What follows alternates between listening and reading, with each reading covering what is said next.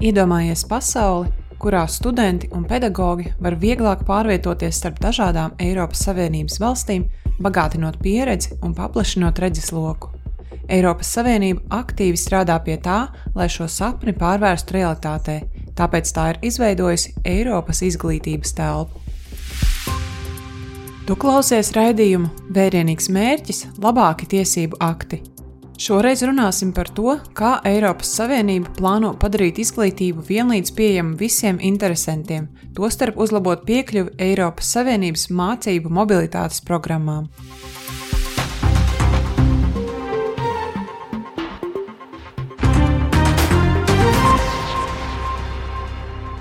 Eiropas izglītības telpas mērķis ir uzlabot sadarbību, veicināt mobilitāti izglītībā un apmācībā un veidot noturīgākas un iekļaujošākas izglītības sistēmas.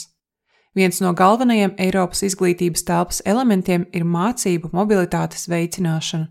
Mērķis ir pārvarēt tādus šķēršļus kā finansiālai ierobežojumi, informācijas trūkums, nepietiekamas valodu prasmes un administratīvais sloks. Taču kā radās šī mācību mobilitātes iniciatīva? Idejai par Eiropas izglītības telpu Eiropas līderi pirmo reizi pauda atbalstu 2017. gada Gēteborgas sociālajā samitā. Kopš tā laika gan Eiropas komisija, gan Eiropas Savienības padome ir dalījušās ar idejām par to, kādai šai Eiropas izglītības telpai vajadzētu būt. Jautājumi, kam abas iestādes līdz šim pievērsušas galveno uzmanību, ir jauniešu izglītības kvalitātes uzlabošana un tādas izglītības vidas veidošana, kas jau no paša sākuma veicina iekļautību un dzimumu līdztiesību. Turklāt ciešākai sadarbībai izglītības jomā būtu arī jānodrošina, ka pieaugušiem ir iespēja turpināt savu pilnveidi ar mūža izglītības palīdzību. Izglītībai arī jāiet kopsolī ar digitālo un zaļo pārkārtošanos, lai mūsdienu izglītojamie varētu palīdzēt risināt šos jautājumus nākotnē. Eiropas izglītības telpa ļauj valstīm sadarboties dažos izglītības aspektos, valstīm vienlaikus saglabājot vispārēju kontroli pār to izglītības sistēmām. Katra Eiropas Savienības valsts ir atbildīga par savu iedzīvotāju izglītošanu un apmācīšanu. Tomēr gadu gaitā arī Eiropas Savienībai ir bijusi būtiska loma padarot pieejamāku pārobežu izglītību. Eiropas Savienība ir ieviesusi Boloņas procesu, ar ko tika izveidota vienota Eiropas augstākās izglītības sistēma. Tā ir arī izveidojusi izglītības finansēšanas programmu Erasmus, kuras mērķis ir ar mobilitātes starpniecību modernizēt izglītību, un pieņēmusi Kopenhāgenes deklarāciju, kas pastiprināja sadarbību profesionālās izglītības un apmācības jomā. 2010. gadā Eiropas Savienība, īstenojot Eiropas sadarbību izglītības un apmācības jomā, nosprauda mērķus izglītības jomā nākamajiem desmit gadiem. Daži no tiem tika sasniegti, taču visus īstenot diemžēl neizdevās. Piemēram, vairāk bērnu apmeklēja pirmsskolas izglītības iestādes un pieauga audzēkņu sekmes pēc vidusskolas izglītības jomā. Tomēr 2018. gada pētījumā tika konstatēts, ka ir palielinājies arī to 15 gadus veco jauniešu īpatsvars, kuriem ir zemes pamatprasmju līmenis. Centieniem uzlabot izglītību un apmācību ir bijuši dažādi rezultāti, un Eiropas komisija, Eiropas Savienības padome un Eiropas parlaments ir viensprātis, ka panākumiem šajās jomās ir izšķiroša nozīme. Mūža izglītībai ir jāsagatavo pašreizējā un nākamās paaudzes aktīvai dalībai sabiedrībā un jāvairo to noturību atkārtotu krīžu gadījumā. Mūža izglītībai būtu arī jānodrošina, ka cilvēkiem ir iespēja iesaistīties zaļajā un digitālajā pārējā. Piemēram, Eiropas Savienība ir izsludinājusi Eiropas prasmju gadu, kura pasākuma ilgs līdz 2024. gada 8. maijam. Šīs kampaņas mērķis ir visā Eiropā nodrošināt cilvēkiem prasmes, kas nepieciešamas kvalitatīvās darba vietās, un palīdzēt uzņēmumiem novērst prasmu trūkumu. Šajā laikposmā visā Eiropā ir plānots rīkot tūkstošiem pasākumu, kas vērsti uz prasmju pilnveidi.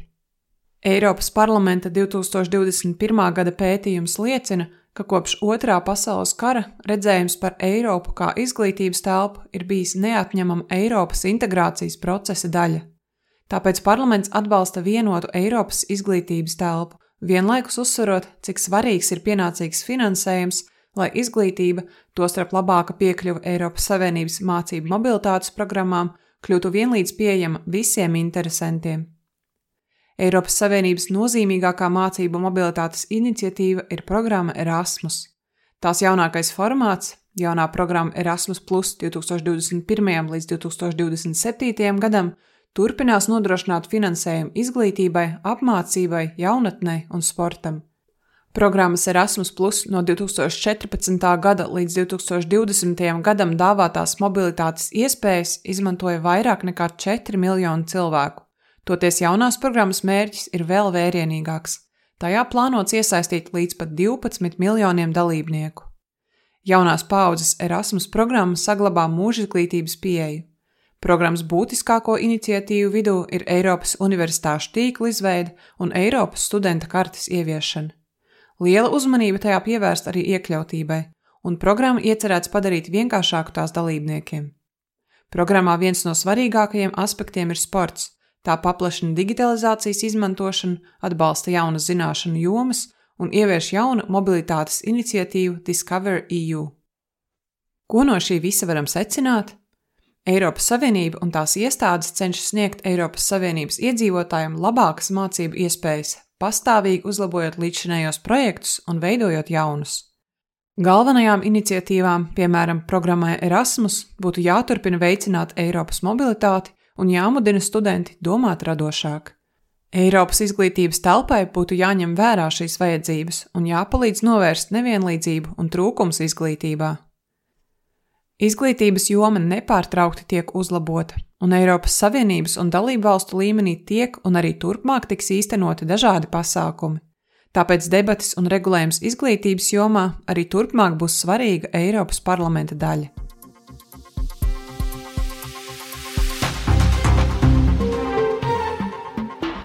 Šo raidierakstu sagatavoja Eiropas parlaments. Vairāk raidierakstu var klausīties Eiropas parlamenta tīmekļa radio Europarl Radio.